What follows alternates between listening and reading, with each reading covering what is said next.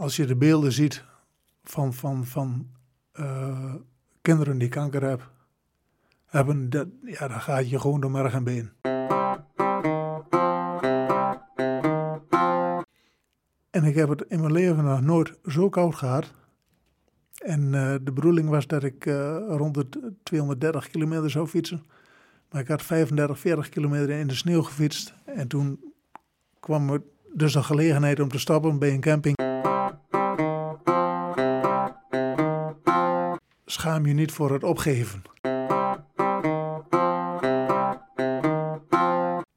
Als je iets in je hoofd hebt wat je graag wil, dan is dat mogelijk.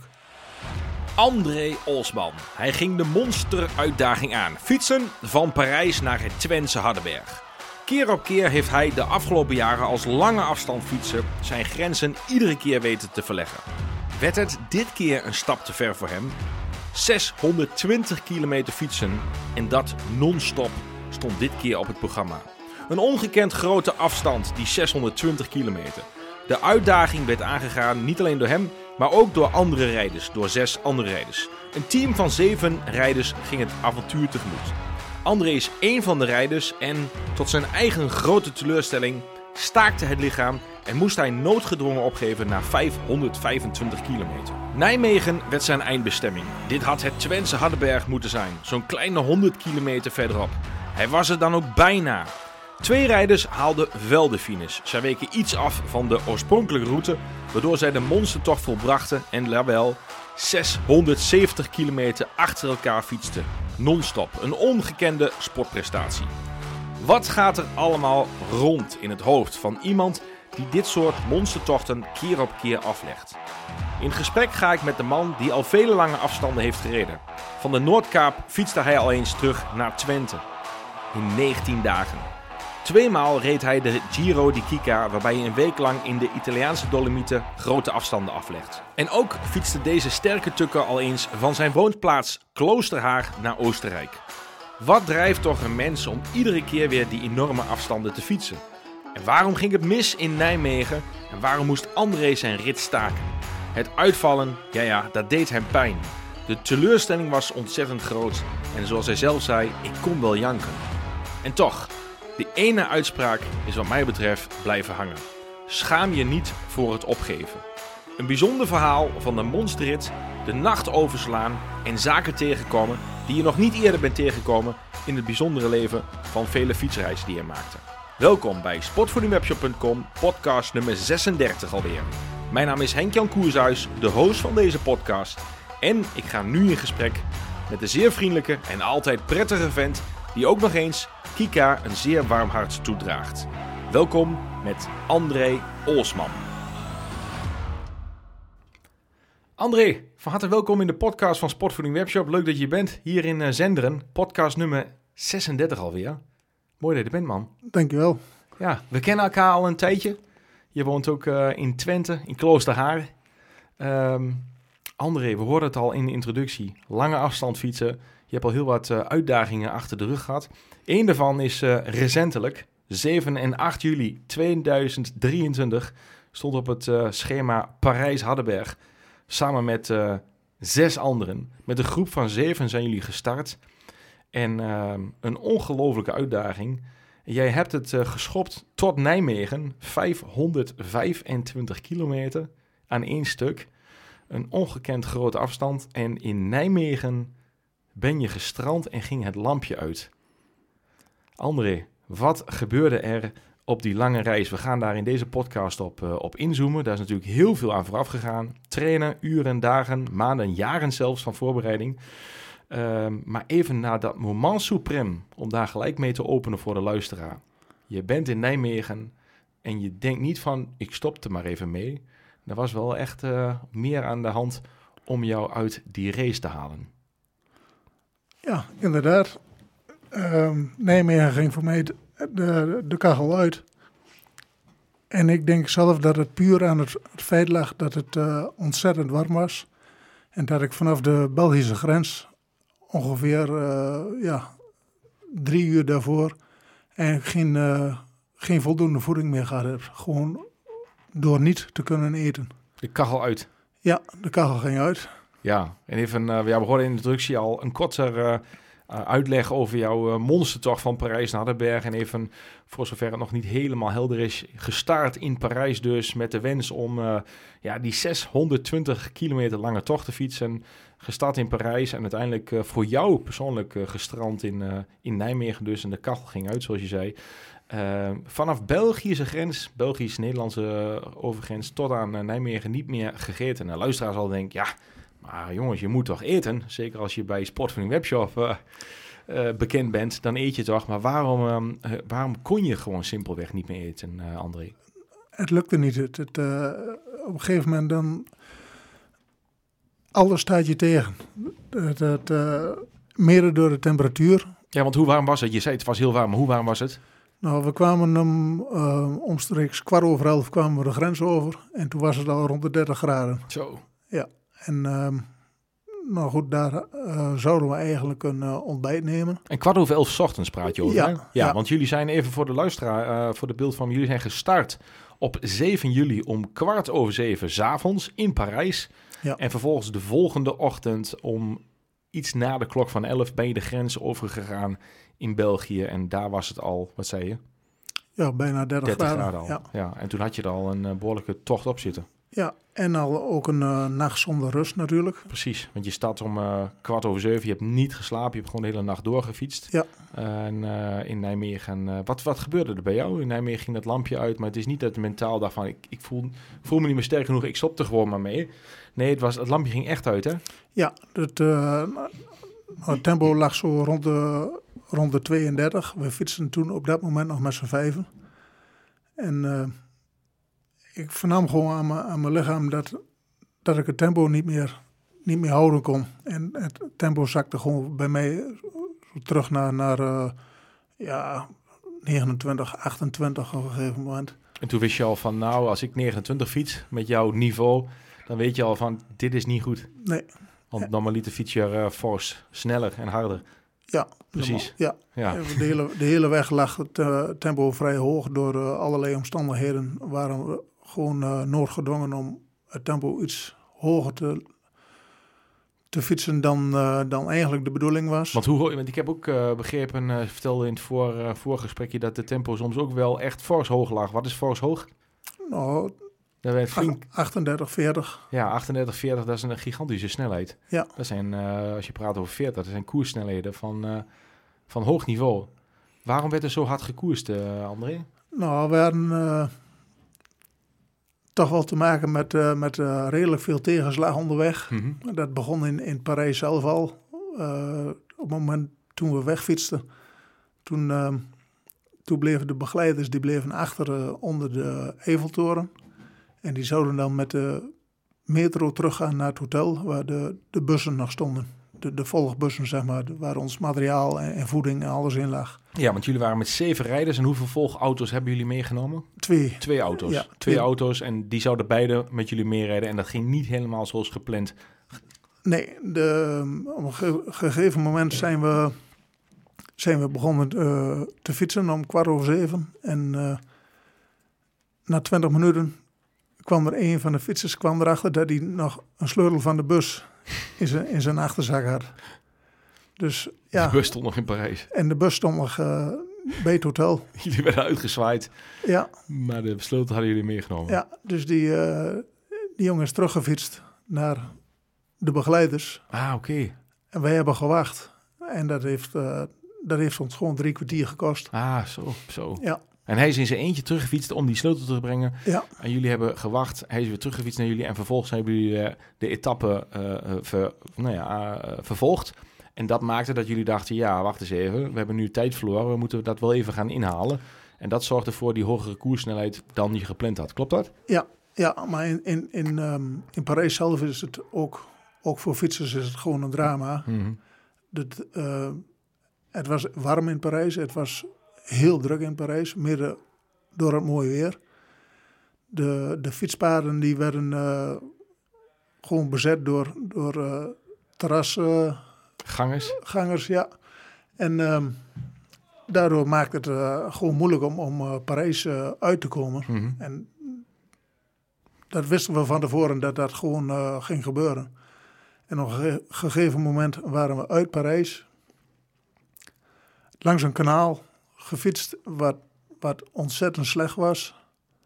Stukken asfalt die, die er niet meer in lagen, uh, boomwortels uh, onder het asfalt door, waar, je, waar we ook veel tijd verloren zijn. En um, nou, op een gegeven moment kwamen we op de, eigenlijk op de, de Franse landwegen. En ja, toen konden we los.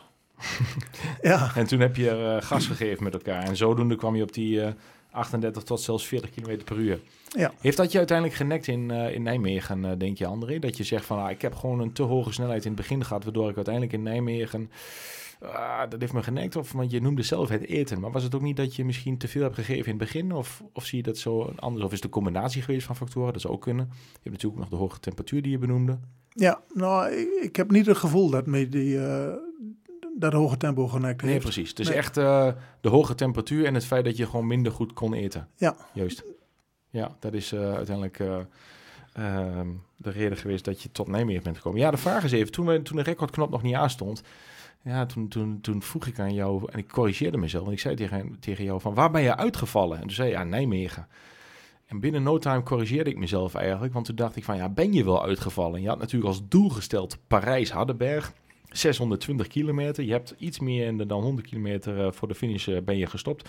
Of had je noodzakelijkwijs bij uitvallen, 525. De vraag is of je uitgevallen bent of dat je gewoon uh, het is namelijk een monsterprestatie sowieso om op één dag of non-stop moet ik zeggen 620 kilometer te fietsen. En als je dan tot Nijmegen komt, ja, ben je dan uitgevallen of heb je dan gewoon het maximale uh, bereikt en is dat dan de limiet? Jij zei zelf, nee, dat is mijn limiet niet. Ik weet zeker dat ik het wel kan halen. Ja, want, ik, want je refereerde aan het feit hoe je de dag daarna voelde. Ja, ik, ik zeg ook direct heb ik gezegd van uh, als de temperatuur 10 graden lager gelegen had, dan hadden we hem gewoon met gemak uitgefietst. Mm -hmm. En ook, ook een dag daarna, toen mijn vrouw vroeg van uh, kon je de trap afkomen, waren er gewoon uh, geen problemen. Normaal heb ik met lange afstanden nog eens een keer dat, dat ik de, de aanhechting om de knieën, zeg maar, dat die een beetje gevoelig zijn, mm -hmm. een beetje overbelast. Maar deze ronde helemaal niks. Dus eigenlijk na 520 kilometer, 525, voelde je de dag daarna echt niet of nauwelijks iets. Dat zegt alles iets over je conditie. En over je, je sterke prestatie die je geleverd hebt. En dat dus daarmee zeg je eigenlijk dat je uit bent gevallen. Omdat je gewoon, ja, het lampje ging uit. kan drie uur lang niet gegeten. Ja, met die snelheid is niet zo raar natuurlijk. Um, hoe kijk je daarop terug, uh, André? Uh, uiteraard positief. Het is, uh, ja, de, afgelopen zondag hebben we met de hele groep terug, teruggekeken. En um, nou, toen werd er dus ook gezegd, het was een, uh, een hele slechte generale. Mm -hmm. Ja, er, zijn, uh, ja, er ging gewoon ontzettend veel fout. En dat, uh, ja, dat is natuurlijk wel ontzettend jammer, maar gewoon wel heel leerzaam voor de volgende keer. Ja, ja. Wat, wat heb je ervan geleerd? Nou, gewoon nou, ten eerste dat je goed moet reden onderweg. Dat is natuurlijk het allerbelangrijkste, maar ook gewoon eh, een stukje voorbereiding. Daar hebben we met elkaar toch iets, uh, denk ik, te licht over gedacht. En ja, dan moet de volgende keer gewoon beter. Dus je wil nog een keer, nog een keer gaan? Nou, ik zeg... Ja, je zegt van, we willen, moet volgende keer beter. Ja, nou, ik zeg nooit nooit, maar het, ja, tuurlijk je bent al ontzettend teleurgesteld mhm. op het moment dat je uit moet stappen. En dat is ja, voor mij wel iets dat ik zeg van, uh, dat was voor mij de eerste keer dat ik ergens gestopt ben. En dat, uh, ja, dat, dat valt zwaar. Wat maakt het zeg maar dat dat zo zwaar is? Zit hem in het feit dat je gefaald hebt in de voorbereiding voor je gevoel? Dat je jezelf voor de kop kan slaan? Dat je denkt, het was een hele slechte generale, zoals je zegt. Hè. Uh, het was moeilijk om Parijs uit te komen. Uh, sleutels van de bus vergeten, een slecht wegdek met boom, boomwortels, uh, dingen misschien niet helemaal optimaal voorbereid. Is dat, zit daar de teleurstelling in? Dat je denkt, ik heb gewoon niet voldoende tijd gestopt in de voorbereiding? Of zit het in, waar, zit die teleurstelling in? Of het feit dat je de finish niet gehaalt hebt, wat maakt het dat je die teleurstelling zo voelt? Nou, vooral het laatste, dat je de, de finish niet haalt. Want op een ge- gegeven moment eh, bij de Belgische grens, toen hadden we nog een 200 kilometer te gaan. Met nog acht uren op de klok. Dus dat, het- dat is normaal gesproken is het Haalbaar. al- ruim haalbaar. Ja, zeker. En dat je dan bij Nijmegen, eh, dat de lamp uitgaat, ja, dat, dat voelde voor mij op dat moment wel eh, als een grote teleurstelling. En wat, wat, gebeurt er bij André als jij eh, al jarenlang, gaan we zo eens even naar kijken, want je bent lange afstandsfietser al vele jaren. Je hebt al heel veel lange afstanden gemaakt. Eh, naar de Noordkaap eh, teruggefietst, van de Noordkaap naar huis. Je bent naar Oostenrijk gefietst. Je hebt de Giro di Kika tweemaal gefietst. Ik borduur er al een beetje voor, maar daar gaan we straks even naar kijken. En dit is eigenlijk de eerste keer dat je de finish, het doel wat je zelf gesteld hebt, en niet gehaald hebt. Je bent gestrand voor het stellen ja, van, van, het, van het behalen van je einddoel. Wat, hoe, zit je dan, hoe zit je dan op de wegdek of hoe zit je dan in, de bus als je, dat, als je die teleurstelling op dat moment... eh, moet je huilen? Ben je boos? Ben je teleurgesteld? Ben je stil? Hoe, eh, Ja, vooral teleurgesteld. en hoe Ja. uitzicht dat bij jou? Ja, nog gewoon. eh, ja, ten eerste, ik moest.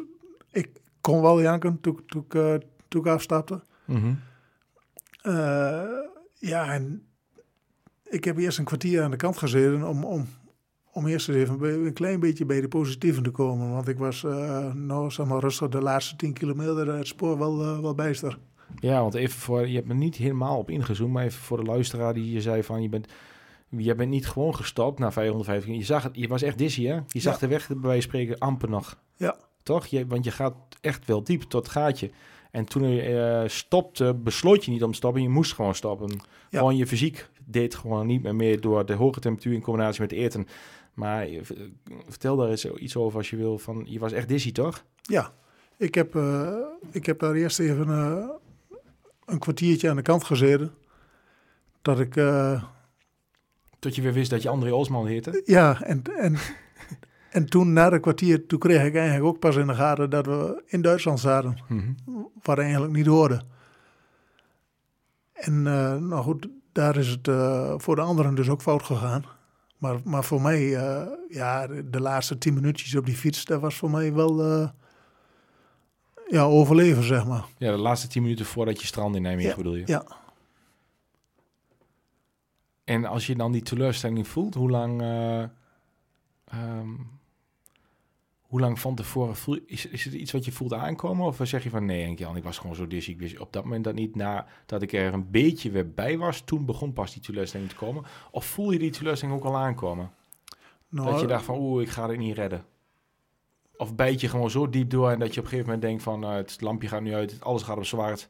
En nadat je weer hersteld bent na 15 minuten, dan pas kwam die teleurstelling. Ja, Helder. ja. Ja, want die, eh, ja, nog op een gegeven moment toen, toen, toen de tempo zakte, toen, ja, toen had ik wel in de gaten dat, eh, dat het niet ging lukken voor mij. En ehm, ja, je moet je fiets nog door, wachten tot, tot de volgende stop, zeg maar.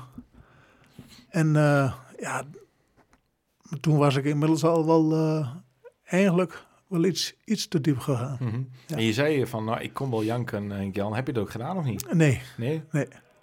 En, ehm, maar je voelde dat wel. Ja, ja op een gege- gegeven moment, de teleurstelling die is zo groot.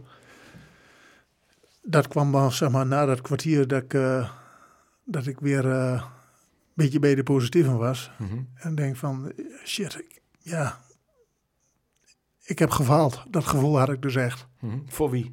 Ja, voor mezelf.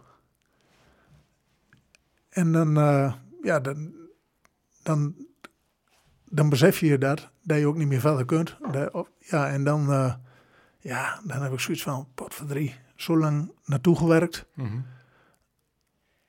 Veel, veel kilometers gemaakt, lange afstanden gefietst. En dan, en dan, ik was direct wel zo nuchter om te zeggen van, ja, je kunt het wel, maar door omstandigheden moest je gewoon afstappen. Helder. Ja. En als je, weet je, als je iets heel graag wilt en je denkt dat je kan halen, maar je haalt het niet. In dit geval bij jou dus. Je stelt een doel, je wil dat heel graag en je haalt het niet. Ja, dan kun je wel janken. Ehm, of je dat dan doet of niet doet. Maar dan, ik denk dat de luisteraar dan wel voelt van hoe groot die teleurstelling is. Wa- Waarom, waarom wil je dat zo graag, eh, André? Wat maakt het in jou, André Olsman, 51 jaar? Wat is het in jou dat je de Tour, nou, de Giro di Kika hebt gefietst tweemaal, van de Noordkaap terug naar Kloosterhaar in Twente, eh, Oostenrijk, van Nederland naar Oostenrijk hebt gefietst in een week in Tirol. Wat, wat is het in jou, André, dat jij ehm, dat je dat keer op keer doet?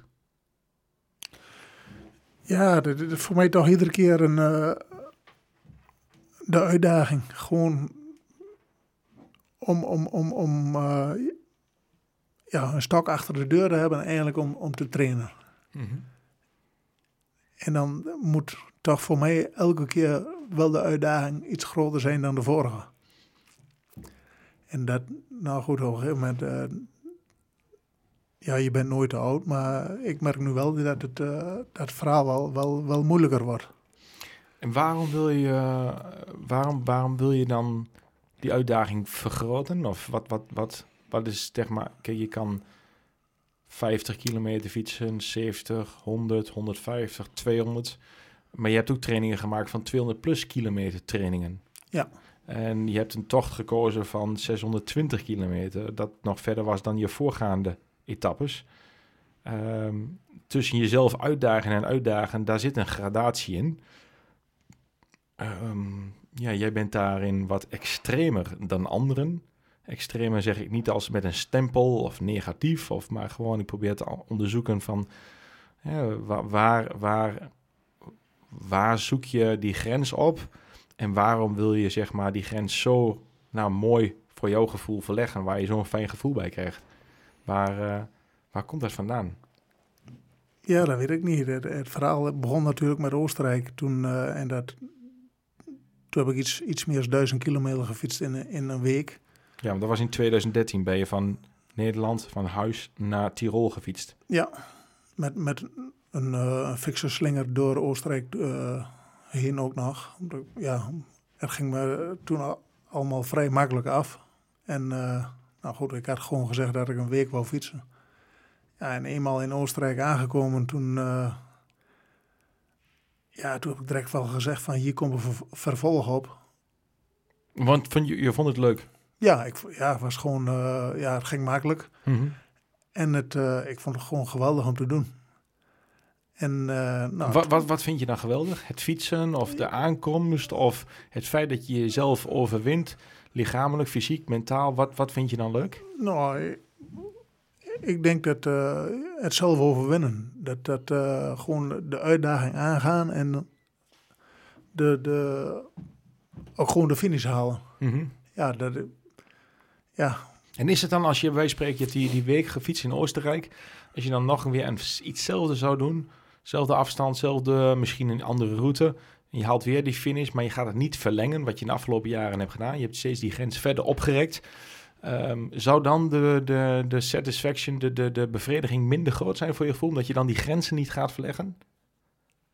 ja, dat weet ik niet. Dat, dat heb ik nog nooit geprobeerd. Maar ja, ik heb altijd wel gezegd van, Je wil ik ga nog wel een keer weer op de fiets naar Oostenrijk. Mhm. Nee, maar als je, als je, ik bedoel echt zeggen van als je iedere keer zeg maar een vergelijkbare afstand zou fietsen, is dan de uitdaging wat minder, is dan de uitdaging wat meer weg? Heb je het gevoel dat je jezelf dan minder uitdaagt? Ja, dat denk ik wel. Ja, dus je wil, Je- je, wil- zei, je zei al van ik wil, ik wil echt opnieuw iedere keer weer die uitdaging zoeken. Ja, ik, iedere keer een, een trapje hoger. Ja. Ja, Is dat het competitieve? Want je rijdt geen wedstrijd. nee. Maar je rijdt wel zeg maar voor jezelf een, eh, een, een, een wedstrijd, een uitdaging. Je rijdt hem niet als wedstrijd om, nou ja, maar je rijdt hem wel voor jezelf als, eh, als uitdaging. Ja, ja. wedstrijdrijden heb ik eh, op de fiets nog nooit gedaan. Maar ja, gewoon, het trekt mij, de lange afstand trekt mij gewoon. Mhm. En ook gewoon het genieten onderweg. En wat, wat is er dan genieten aan? Want menig luisteraar die niet op de fiets zit zo lang, of iemand die überhaupt niet fietst, die denkt, halleluja, wat, eh, wat is daar nou genieten aan als je boven de 200 kilometer fietst? Laat staan 300, 400, 500 of 620. Ja, Wat, wat is, hoe kun je daarvan genieten, eh, André? Ik bedoel, ik ben zelf een fietser en een loper. En dan ben ik helemaal niet eh, iemand die, die extreem lange afstanden fietst. Maar ik vind het leuk om, recreatief te fietsen en te lopen, maar niet de lange afstanden die je hebt. Ik haal daar geen lol uit. Kun je eens vertellen wat, wat, dan, wat de lol is voor jou om zo lang te fietsen? Ja, ja, nee, dat weet ik niet. Ik, eh, als bijvoorbeeld uh, zondagmorgen uh, stap ik om, om acht uur op de fiets. En ik zeg tegen mijn vrouw, ik ben nou, rond 12 uur thuis. En het is heel mooi weer en het gaat mooi. Dan, ja, dan meestal red ik na 12 uur niet. Nee, dan gaat, wordt het nog langer. Ja, dan wordt het meestal wel één uur, half twee of, of nog later. Ja.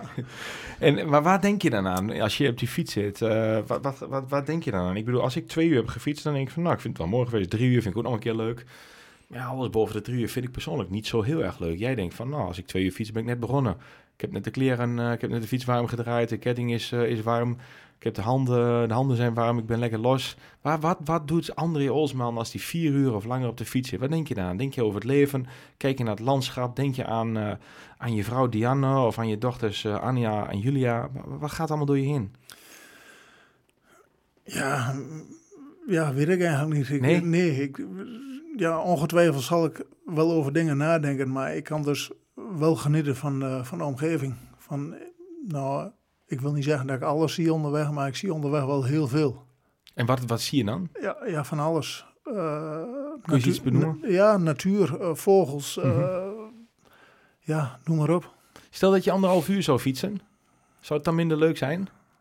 Elke zondag, je zegt van ik pak geen drie of vier uur, maar ik fiets gewoon lekker anderhalf uur. Ja, nou goed, dat is voor mij ook geen probleem. Ik fiets, mm -hmm. ik fiets ook wel eens anderhalf uur als de... Ja, dat geloof ik. Ja, als de de situatie het niet toelaat om, om vier uur te fietsen, dan, uh, mm -hmm. ja, dan fiets ik uh, anderhalf uur. Er is niks mis met drie of vier uur fietsen uiteraard. Ik ben benieuwd van, hè, van wat, wat drijft iemand om deze uh, uren te fietsen, omdat het anders is dan de gemiddelde fietser, die misschien één, twee of drie uur fietst in een, op een weekend of bij een tourclub. En daarom zit je ook in deze podcast, André, omdat jij natuurlijk een langere afstand fietst dan, uh, dan de gemiddelde fietser. Laat staan uh, Parijs-Hardenberg is natuurlijk helemaal extreem lange afstand, die 620 kilometer. Uh, dus ik ben dan eigenlijk op zoek van wat, wat, wat is de motivatie van iemand, van jou in dit geval, die die afstanden maakt. En wat, ja, wat, wat brengt jou dat? Wat, wat, wat brengt jou die lange afstanden, laat ik het zo maar zeggen? Is het ontspanning? Of is het een vlucht? Of is het de prestatiedrang? Of is het uh, het vrije gevoel? Wat brengt deze lange trainingen André Osman in het leven? Wat brengt jou dit? Nou, ten eerste een stukje ontspanning. Mm -hmm. Dat, ja, als ik op de fiets zit, ben ik mezelf. Ik, ja, ik vind, ik vind het gewoon heerlijk. Ook, ook als het weer minder is. Dan, dan stap je ook gewoon de fiets op? Ja, dan stap ik gewoon op de fiets en dan fiets ik gewoon mijn, mijn kilometertjes. En dan, maar goed, de situatie doet zich ook wel eens voor dat ik, dat ik gewoon minder, of de, dat ik eerder thuis moet zijn of, of door bepaalde dingen. En dan, ja, dan, dan, dan pak ik ook de mountainbike en dan ga ik, ga ik bos in. Mm -hmm. Ja, en dan kan ik me in anderhalf, twee uur ook wel, wel helemaal vermaken. Uitleven, ja. Mooi. Wat heeft jou die, al die lange afstanden, wat heeft het jou gegeven, André? Naast het feit dat je mooie natuur hebt gezien in al die ontelbare kilometers die jouw klok op jouw fiets of op jouw hartslagmeter zal weergeven. Wat heeft jou al die jaren en al die uren en al die kilometers gegeven? Wat is nou meest bijgebleven? Wat heeft jou gebracht? Ja, uh, nou,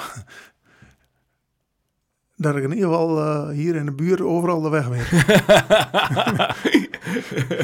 ja. ja, dan maak je. Jij bent Carmen van uh, de, de Carmen van Twente. Ja, ik, uh, kent alle weggetjes. Er is, geen, er is geen weg die ik niet, uh, niet Wat is de mooiste weg die je gefietst hebt en waarom?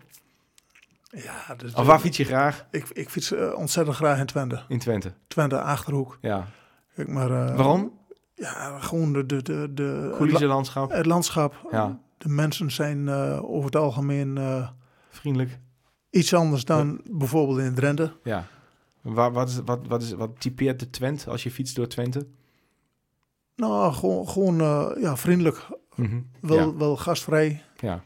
En ik wil niet zeggen dat, dat iemand uit Drenthe dat niet is. Maar dat is, dat is toch ja, iets anders. Ja, je voelt je thuis in het Twentse landschap door, door het fietsen. Ja, maar ik vind Twente ook mooi. De, de, de, gewoon de, het oude nog van, van, van vroeger. Mhm. Ja. Mooi. Hey, die, eh, die tocht van eh Parijs-Hardenberg, wat, eh, wat is daar nou voor jou het hoogtepunt geweest? Want we hebben het wel een aantal keer gehad over het stranden in Nijmegen. En daar zijn we eigenlijk de podcast ook mee geopend. Ehm, en dat is die grote teleurstelling. Maar die heeft je ongetwijfeld ook heel veel gebracht. Kom ik zo dadelijk op. Maar voordat ik daarop kom, is mijn vraag eigenlijk... Wat, wat, heeft, wat was nou het hoogtepunt? Wat was nou het mooiste wat je hebt meegemaakt in die Parijs-Hardenberg? Ondanks dat je zei... "Ah, we hebben misschien niet de beste voorbereiding getroffen met elkaar. Wat, heeft, wat was wel het hoogtepunt? Wat was nou het allermooiste? Nou, het vertrek onder de Eiffeltoren, dat vond ik toch wel een, eh, een heel mooi moment. Ik bedoel, de- Eiffeltoren is toch wel, eh, ja, een gigantisch iets. Ik- was er ook nog nooit geweest. Maar als je daar, eh, daarvoor staat, dan, ja, dan, ik dacht wel zoiets van, Dat maakt wel impact. poh, dat Ja. is toch wel een ding. Ja, Ja, geloof ik. ja. Mooi. Ga je nog een keer, eh, een keer terug dan naar Parijs gewoon om, eh, om te fietsen of, eh, of met de family. Om die Eiffeltoren te zoeken, omdat je daar zo'n goed gevoel aan over hebt gehouden. Nou, Of zeg je van, nou die herinnering neem ik gewoon meer van die tocht en en that's it. Kijk, als mijn vrouw er een keer naartoe wil, dan, dan zal ik wel meegaan, maar ik ga liever waar anders naartoe. ja, nee, want ja, ik, ik, vond, ik vond het drama in Parijs. Ja? Ja. In de zin van? Nou, gewoon ja, druk, eh, Hectisch. hectisch, smerig. We zaten daar in, eh, in, eh, in een buitenwijk van Parijs, maar nee, het was chaos, echt. Wat, wat is chaos in, jou, in de ogen van André? Nou, gewoon ja, een dom voorbeeld. De- politie die rijdt daar dag en nacht met, met zwaailampen en sirenes. Mhm. Zelfs als ze teruggaan naar, naar het bureau.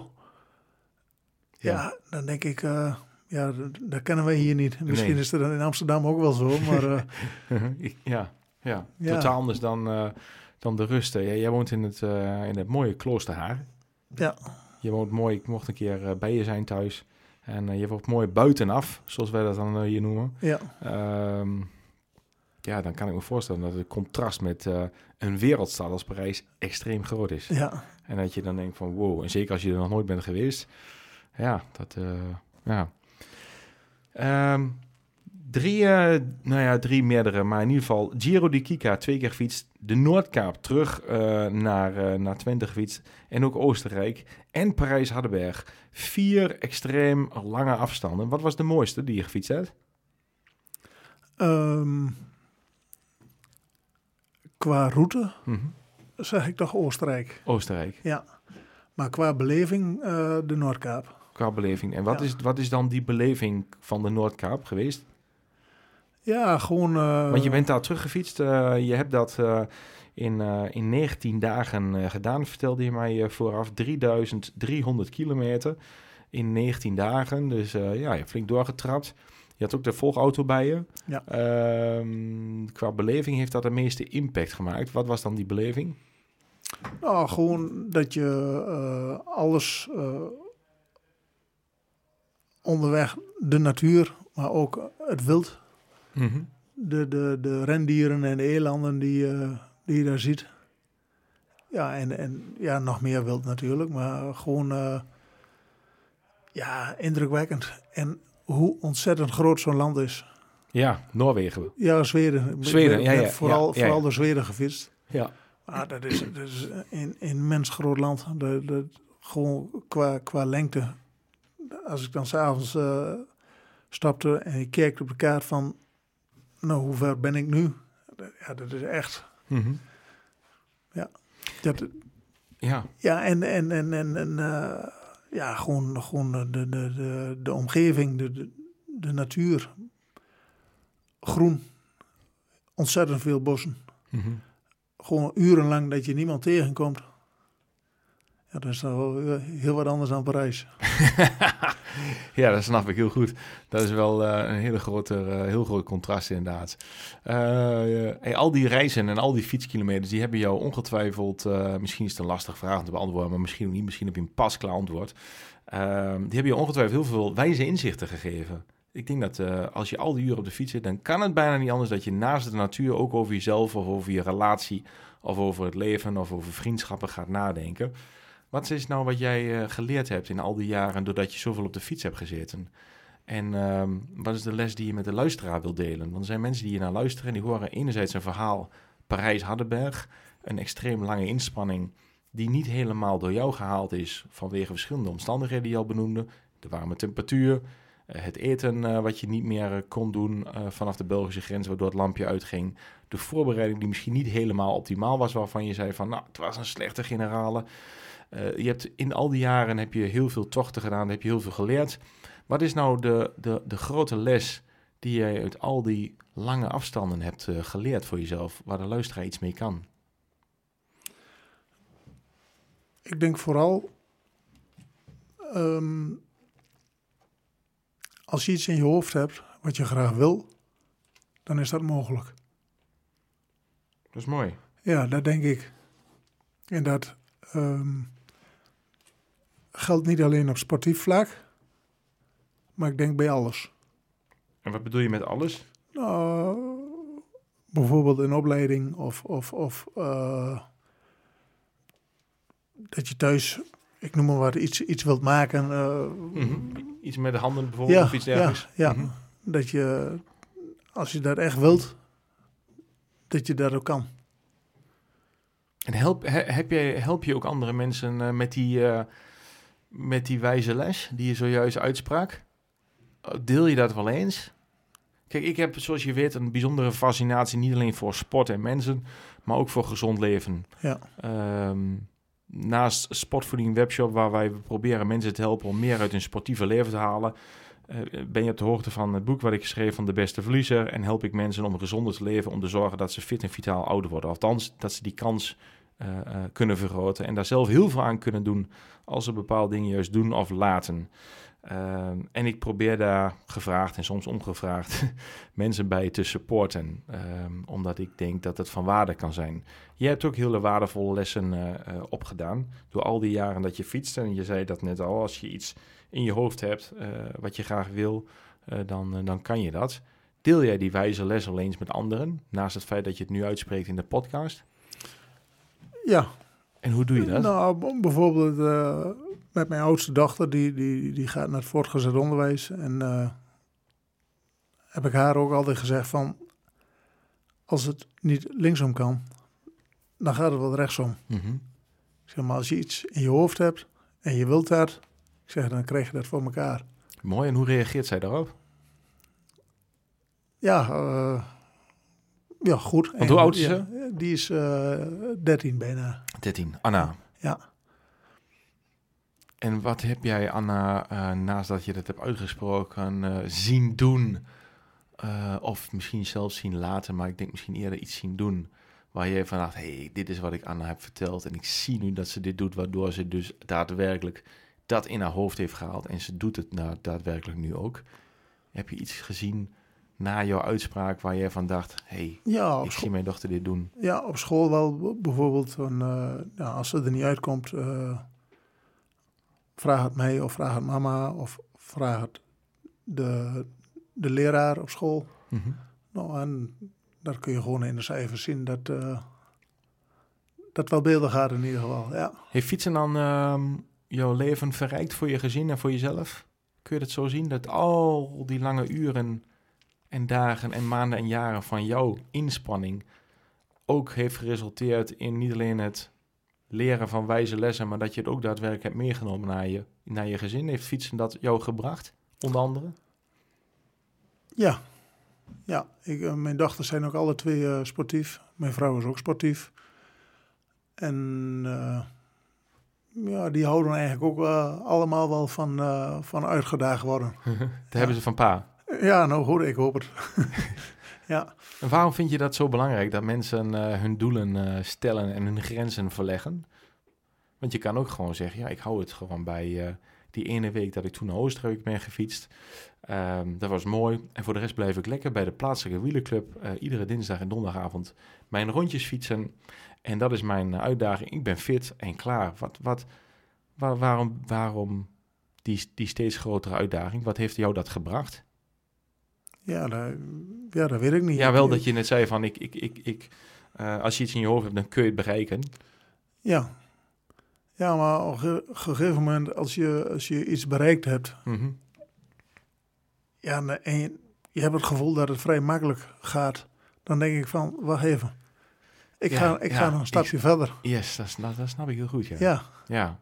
Als iets heel makkelijk haalbaar is, dan is het ook mwah. ja, als jij de eerste keer een 10 kilometer loopt en je doet dat in een uur, dan zeg je de volgende keer ook van, nou, maar de volgende keer wil ik Klopt. toch graag in 58 minuten lopen. Klopt, klopt. Ja, Ja, dat is ook zo. ik denk dat dat in een mens in zit. Ja, dat denk ik ook. Daarom gaan we ook naar de maan of andere bijzondere, Ja. bijzondere dingen. Dus eh, wat kunnen de... Wat, wat, als jij ehm, een, een, een, ja, een, een blik werpt op Nederland, hè, waarbij de e-bikes eh, de pan uitvliegen, waarbij de gemiddelde Nederlander en e-bikes, daarmee zeg ik niet dat het een slechte ontwikkeling is, want sommige, met name ouderen, eh, kunnen eh, nu afstanden overbruggen door het ontstaan van de e-bike, wat ze vroeger niet konden. Maar wat ik eigenlijk wil aangeven, je ziet ook in Nederland een heel groot aantal mensen die een fors aankomen in gewicht, eh, conditioneel niet echt op het best is. Onder de jeugd is veel overgewicht eh, speelt een rol. Eh, veel mensen die heel erg eh, weinig bewegen. Goed, je hebt dan een aantal extreme uitdagingen waar we op inzoomen, maar dat kan alleen maar als je algemeen fit bent, wat je bent. Hoe kijk jij naar de gemiddelde Nederlander die, nou, die misschien niet zo inactief, of die, die, niet zo actief is? Want de luisteraar naar deze podcast, ja, dat is een luisteraar van Sport van Webshop. Dat zijn over het algemeen wel de bovengemiddelde bewegelijke types. Anders luister je niet naar deze podcast. Maar de gemiddelde Nederlander beweegt gewoon te weinig. Hoe kijk jij daarnaar? Ehm, nou goed, die die e-bike, dat is natuurlijk eh, voor de een een gemak. Omdat ze dan misschien toch nog ergens kunnen komen. Ja, de e-bike is ook een voorbeeld hè, van, van, Ja. van nou ja, ontwikkelingen. En je ziet ook jeugd bijvoorbeeld die met de e-bike eh, vier kilometer naar school gaat. Dat je denkt, oké, eh, nul weerstand, even de e-bike aan, drie, drie of vier kilometer verder met de e-bike naar school. Dus dat zijn wat minder goede ontwikkelingen, denk ik persoonlijk. ja. Maar tegelijkertijd zie je ook heel veel positieve dingen. Maar in algemene zin, e-bike lijkt misschien een beetje af van mijn vraag. Maar over het algemeen is de gemiddelde Nederlander eh, nou niet echt heel erg sportief eh, bezig. En overwicht is ook een, groot probleem in onze maatschappij. Wat, ja, wat is jouw kijk daarop? Hoe kijk jij daarnaar? Want jij, jij je hebt uren om daar onder andere over na te denken. Of, of alle andere dingen van het leven naast het zien van die natuur. Je bent een eh, extreem lange afstandfietser. Hoe kijk je naar die ontwikkeling? Ik denk dat mensen die, die eh, overgewicht hebben. Ik ken, eh, ik ken een goed voorbeeld. Die is, ehm, die is door een maagverkleining bijna 80 kilo afgevallen. En die zegt gewoon van, ja, eh, ik kan gewoon alles weer. Ik, ik doe, eh, ik heb geen suiker meer. Ja, diabetes type 2. Ja, dus daar is hij vanaf. Hij zegt, ik kan mijn veders weer strekken. Ik ben weer beweegbaar. Ik kan alle kanten op. En ik denk dat mensen die te dik zijn, dat komt natuurlijk niet van vandaag op morgen. Dat groeit. En die beseffen zich niet eh, wat zijn lichaam aandoen. Ja, dat zeg je mooi, denk ik. Ja, ik, bedoel, ik ben zelf ook niet licht. Ik, maar eh, beweging krijg ik genoeg. Maar het is gewoon... ehm, eh, mensen realiseren zich dat niet. Mhm. Dat realis- realiseren Ja. zich pas als ze de kilo's weer kwijt zijn. Mhm. Ja, dat zie je. Je voelt het pas als je het niet meer hebt. Ja. Het is net als met gezondheid. Als je gezond bent, dan lijkt het normaal. Totdat je niet meer gezond bent of ziek wordt. Ja, en dan besef je pas hoe belangrijk het normale gezond zijn is. Voor zover het al normaal is. Ja. Zit je wel eens op het terras, André, en dat jij, ehm, nou ja, ik zeg maar eens iets, eh, ver van huis af bent. En dat je dan eh, ergens op een terrasje zit. Ik kan me voorstellen dat als jij eh, 200 plus kilometer fietst, dan kun je nog eens een onmeunig eind van huis af zijn. En dat je ergens op een terras zit en dat je tegen iemand, met iemand in gesprek komt. En dat je dan zegt, ik ga terug naar eh Kloosterhaar. En als iemand dan vraagt, Kloosterhaar, waar ligt dat? En dat je dan zegt, ja, ligt in Twente. Terwijl je ergens in de buurt van de Veluwe bent, of in Drenthe, of in Flevoland, of waar dan ook. Kortom, je bent ver van huis af. Je hebt een gesprek met iemand op het terras, of iemand die onderweg tegenkomt, die zegt, ik fiets nu terug naar Twente. Kom je nog wel eens op verwonderende reacties tegen dat je denkt, ben je zo'n en fort van huis af? Oftewel, ben je zo ver van huis af? En kom je dan wel eens in een leuk gesprek waar jij van zegt van, goh, Nou, toevallig had ik dat eh, op de terugreis van, eh, vanaf de Noordkaap. Toen ehm, was dag, even kijken, dag 1, dag 2. Was op 5 juli, dacht ik. En eh, toen ik s'morgens wegfietste uit, uit Alta, leg boven in Noorwegen, fietste ik weg. En toen regende het. En de voorspelling was dat ik richting Finland, dat het, de temperatuur ging zakken naar rond het vriespunt.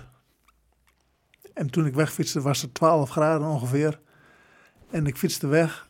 En precies op de, op de, op de grens van Finland, Noorwegen, ging de regen ging over in sneeuw. En ik heb het in mijn leven nog nooit zo koud gehad. En eh, de bedoeling was dat ik eh, rond de 230 kilometer zou fietsen. Maar ik had 35, 40 kilometer in de sneeuw gefietst. En toen kwam er dus de gelegenheid om te stoppen bij een camping. En dan ben ik gestopt. En dan ging ik eh, onder de douche. En het heeft nou ruim een half uur geduurd dat ik weer een klein beetje op temperatuur was. En toen kom ik terug bij de bus. En op die bus er stond allemaal, eh, allemaal reclame op van, van sponsoren. En toen kom ik bij de bus. En er staat er een man bij die bus. En die zegt ermee in het Twents...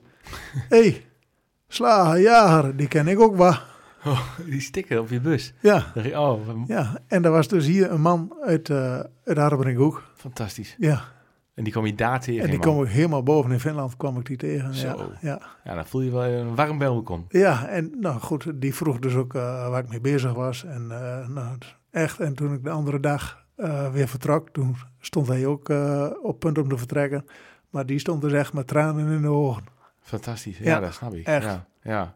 ja, dat zijn de mooie verhalen die een wereldfietser, eh, Ja, of een wereld, maar als je wereldlange afstanden maakt, meemaakt. ja. Mooi. Ja, en die, die vond dat geweldig. Dat ik, eh, nou goed, dat ik die tocht dan ook weer voor, voor Kika deed. En die, eh, ja, die, die volgt mij nog steeds. Geweldig. Ja, Ja, dat maakt gelijk even een brugje naar, ehm, naar Kika. eh, wat staat voor eh geld inzamelen voor eh, kinderkanker. Ehm, jij bent eh, naar Oostenrijk gefietst en toen zei je tegen mij, en toen voordat de recordknop aanstond, van nou ja, ik kan er gewoon naartoe fietsen. Maar toen zei iemand tegen jou van ja, maar dan moet je eigenlijk een goed doel aan koppelen. En toen kwam in je hoofd van nou, dan doe ik het voor Kika. En toen vroeg ik eigenlijk voor jou, aan jou, toen de recordknop nog niet aanstond, waarom Kika? En toen zei je, ja, weet ik niet, gewoon gedaan. Ik had daar gelukkig niks mee, eh, zei je. Althans, niet niks mee te maken, zo bedoel je dat gelukkig. En, eh, en inmiddels fiets je al die tochten eh, voor Kika en zamel je geld in voor Kika. Nog steeds, tot we vandaag de dag, eh koppel je daar het goede doel Kika aan. Ehm, waarom heb je gaandeweg de dag, eh, gaandeweg die jaren niet gekozen voor een keer een ander doel? Wat heb jij met Kika opgebouwd? Eh, want je hebt het ooit eens gewoon gekozen, maar je bent inmiddels echt wel heel erg verbonden met dat bijzonder mooie doel. Wat maakt het dat jij zo connected bent met Kika? Eh, nou, ten eerste, als je de beelden ziet van, van, van kinderen die kanker hebben, hebben dat, ja, dan gaat je gewoon door merg en been. Ja, Dat is. Ik ben nu eh, twee keer eh, in Amstelveen geweest op het hoofdkantoor. Ja, en eh, daar hangen foto's van een Erika Terpstra met, met een ziek kind.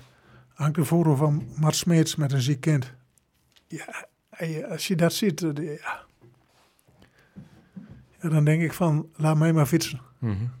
ja Echt, dat, dat doet zoveel met je. dat geloof ik. Ja. Ja, ja. ja dat geloof ik. Dat, eh, daar kun je alleen maar stil van zijn. Ja, en ik, ik heb toen besloten om eh, de eerste keer dat ik fietste eh, naar Oostenrijk, ja, toen zei ik gewoon, ik ga voor Kika fietsen. Prima, eh, ja, niet echt met een reden, maar gewoon, Kika is een goed, goed, goede instelling. Ik ga voor Kika fietsen. Nou, en dat, Dat is tot op de dag vandaag, kan Ja. ik me heel goed voorstellen dat je dat, zeker bij het zien van die foto's en die beelden, dat je geen seconde hoeft te twijfelen om daar überhaupt maar aan iets anders te denken. Dat je denkt, daar fiets ik voor. Ja. Begreep ik. ja, en dan eh, nou, vervolgens dan eh, afgelopen eh, voorjaar of juni heb ik dan ook de Giro weer gefietst. Dat wordt georganiseerd door Kika. Ja, een meerdaagse tocht voor de luisteraar die het niet kent in Italië. Ja, dat is vier Dolomieten. dagen of vijf dagen in de Dolomieten is zwaar, maar ontzettend mooi om te doen. Ja. Ja. En als je daar aan die kinderen denkt, dan denk je van, ik kan er een tandje bij. Precies. Mooi. Wat vindt jouw vrouw eh, Dianne dat jij eh, zoveel uren maakt eh, op de fiets, André? Nou goed, niet, niet altijd is, is ze daar blij mee natuurlijk. En uiteraard hou ik daar ook rekening mee.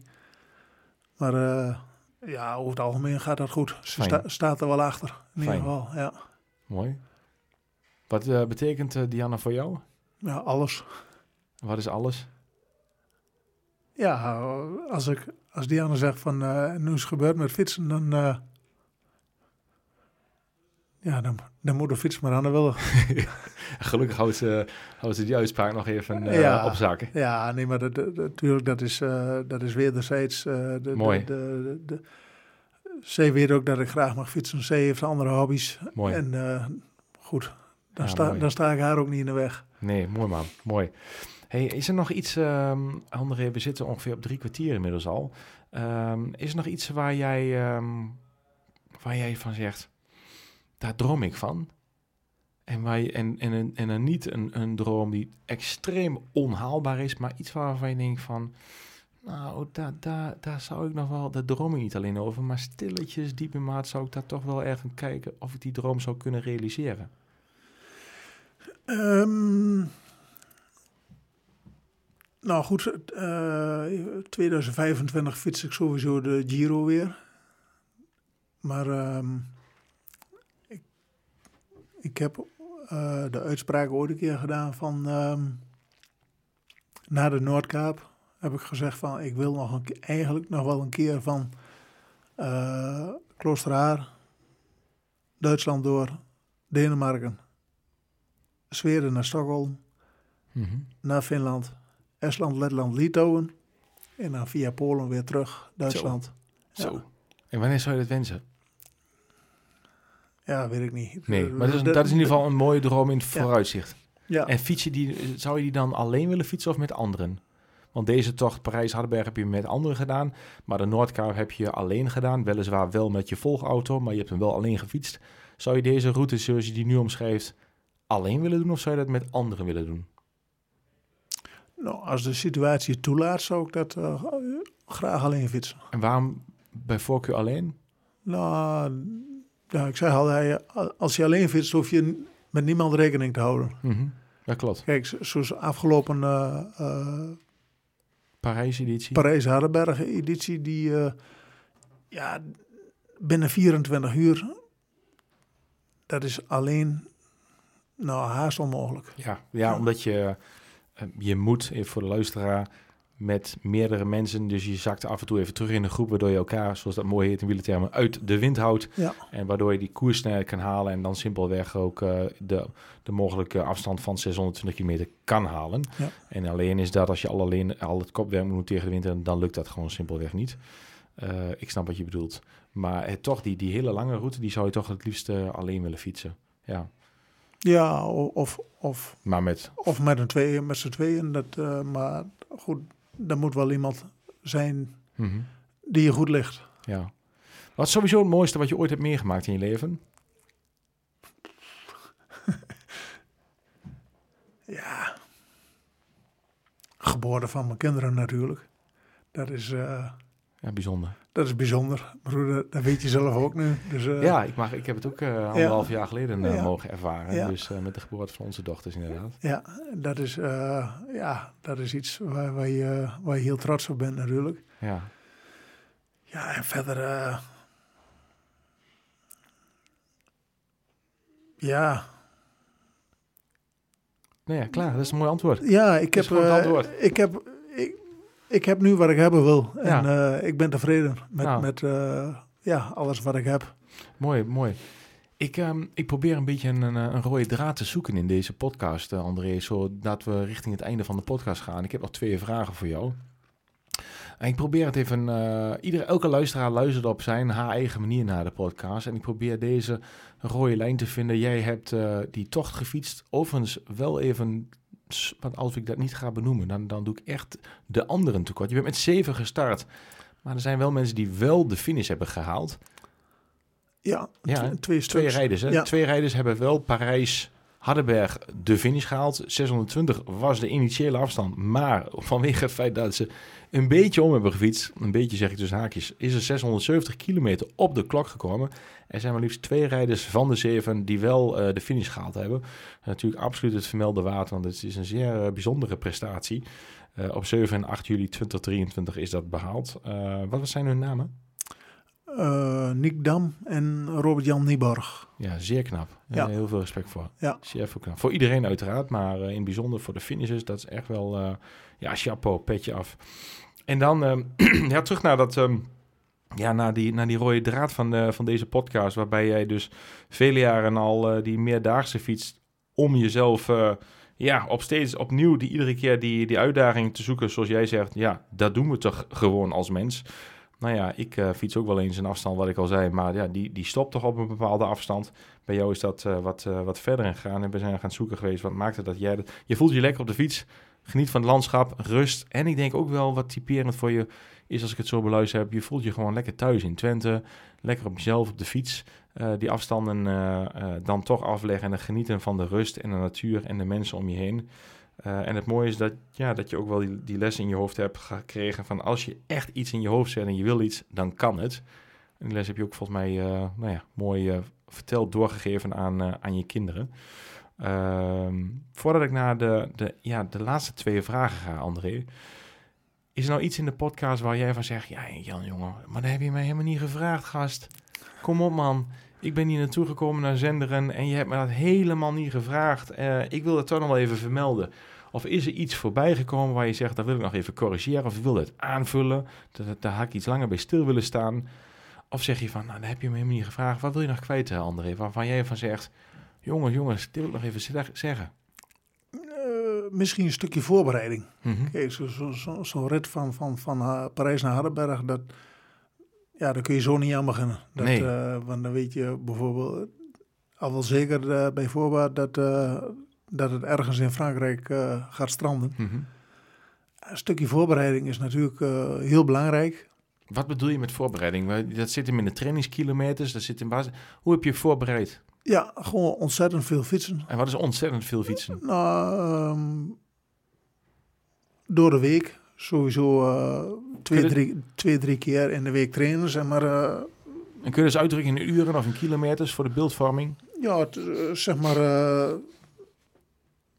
ik, ik, meestal train ik, ik één keer in de week een, een korte training met interval. Mhm. Dat doe ik meestal met een mountainbike. Nou, dan pakken we twee trainingen van, van, van drie uurtjes ongeveer. En dan, en dan zondags, ja, meestal wel eh, een 140, 150 kilometer. Mhm. En dat heb je een jaar lang plus minus wel gedaan. Ja, en dan deden we één keer in de maand met, met de groep eh Hardenberg-Parijs of Parijs-Hardenberg. ehm, zijn we in januari begonnen met een afstand van 150. En dan eh, in februari 200. En dat hebben we zo opgebouwd eh, nou, de langste afstand was volgens mij 370 kilometer. Zo. Op, ja, dat was een rondje. Er meer? Ja, rondje, rondje eh, Plus nog wat. Lelystad, Enkhuizen en dan via Amsterdam weer Ja. terug. Ja. Ja, dan hadden we 370 kilometer. Ja, en dan gewoon constant veel blijven fietsen. Mhm. Ja, en dan... eh, En hoe heb je dat met het eten gedaan? Al die eh, lange afstanden, wat eet je dan? Even voor de luisteraar, hoe, hoe, hoeveel eet je dan bijvoorbeeld? Stel je voor dat je 200 of 300 kilometer fietst. eh, wat, wat eet je dan zo? Kun je daar eens inzage in geven? nou, op de... Meestal met die, met die zondagen dat we met de, met de groep eh, trainen, dan rond de 100, 130, 140 kilometer. Dan eh zorgde Diana altijd voor, voor een stap. Mhm. En die stond dan meestal klaar met, met een bouillonnetje. Halverwege de tocht ergens? Of Ja, drie ja. kwart? Of hoe moet ik ja, het zien? meestal eh, bij die lange tocht eh, hadden we twee, twee lange stops, zeg maar. Eentje in Den Ulp en de andere bij Apeldoorn. Daar in Den Ulp daar had ik een kennis wonen waar we gestopt eh, zijn. En in, op de terugweg stond Diana in Apeldoorn met, met de keuken, zeg maar. En En dan was even lekker eten en weer ja, door. dus bakje noedels, eh, iets warms, iets, iets zouters. Ja, en voor de rest gaat het gewoon op, eh, op reepjes.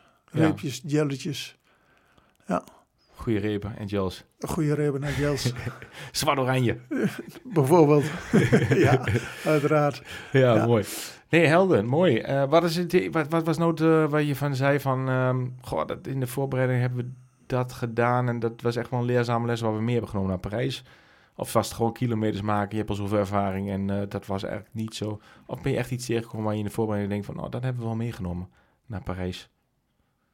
Of was het niet iets specifieks? Nee. Of was het gewoon vooral die kilometers maken... en je hebt al zoveel jaar ervaring? Ja, ja. Het was. ehm, nee, als ik, als ik terugkijk op de trainingen, dan waren die altijd. eh, ja, Goed. goed. Zijn de trainingen net zo leuk als de tocht zelf?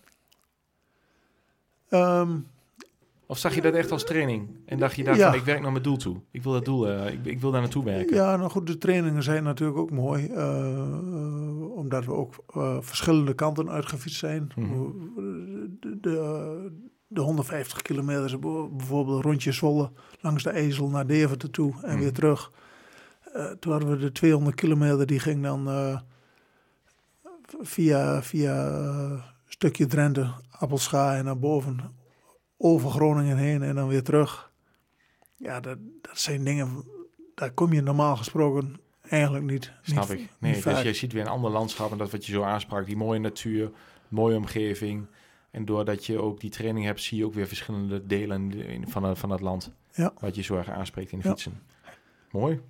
Hey, ik ga. eh, eh, wil je nog iets meer toevoegen? Zeggen nee, dit was hem wel een beetje van, het, van de voorbereiding. Of zeg je, ah, dit, dit moet ik nog even melden.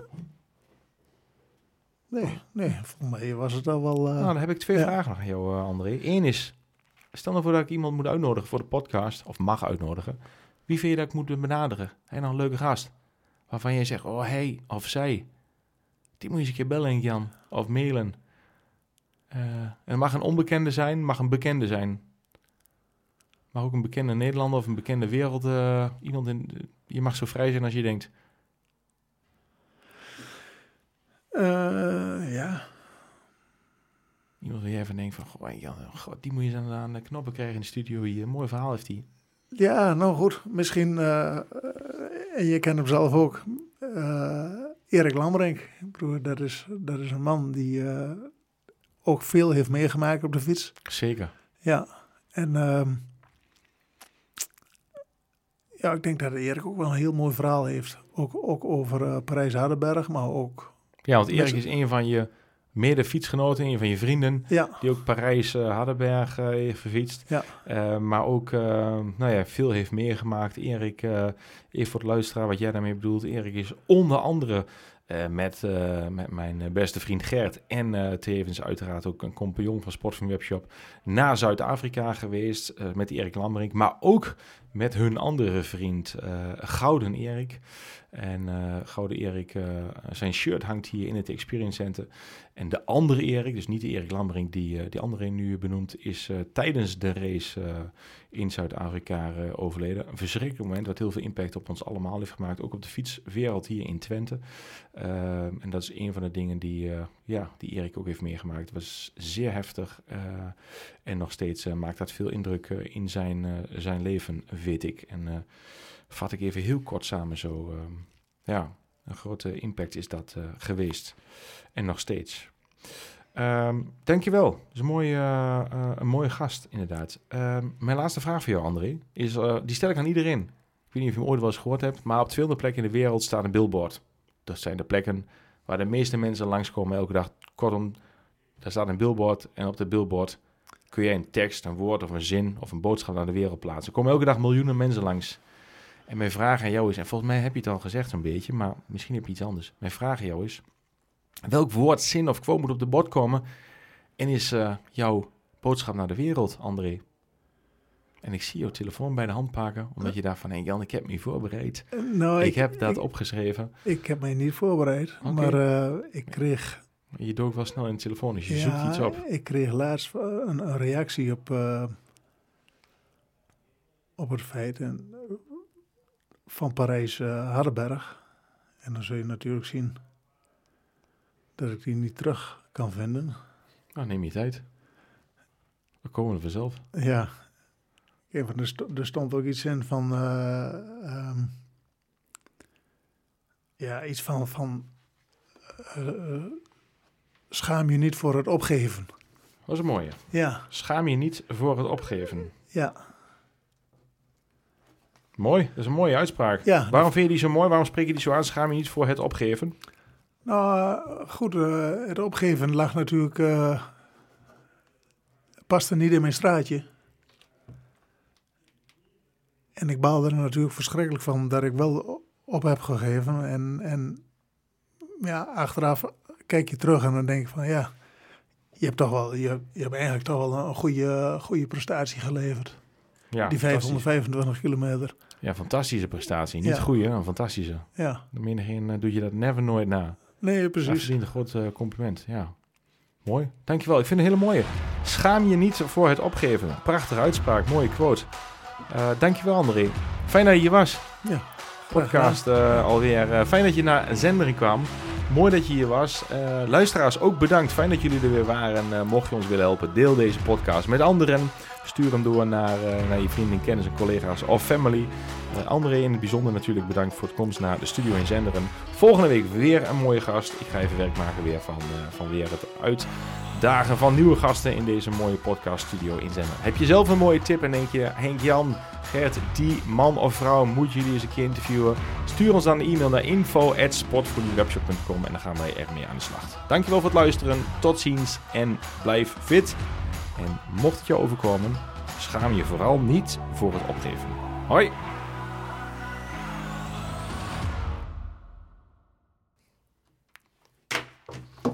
Mooi man. Ja.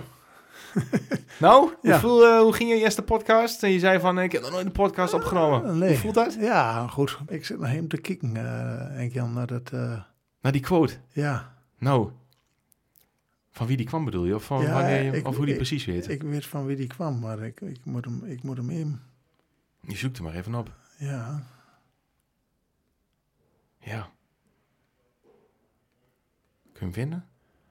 ja wat, eh, ik denk het wel. Ja. There's no shame in being wise. There's no shame in being wise. Ja, Ja. dat is een mooie. Ja, zo, zo was die. Dat is de quote. Maar ik Ja. moet ook zeggen, there's no shame in being wise. Dat klopt, prachtige uitspraak. Maar schaam je niet voor het opgeven. Potverdorie, André. Die ja, is ook zo, mooi. Zo, zo moet je Zo dat... interpreteer eh, het. En ja. zo eh, vertaal jij het bedoel ik. Maar die is ook mooi. Thanks man. Kijk, die,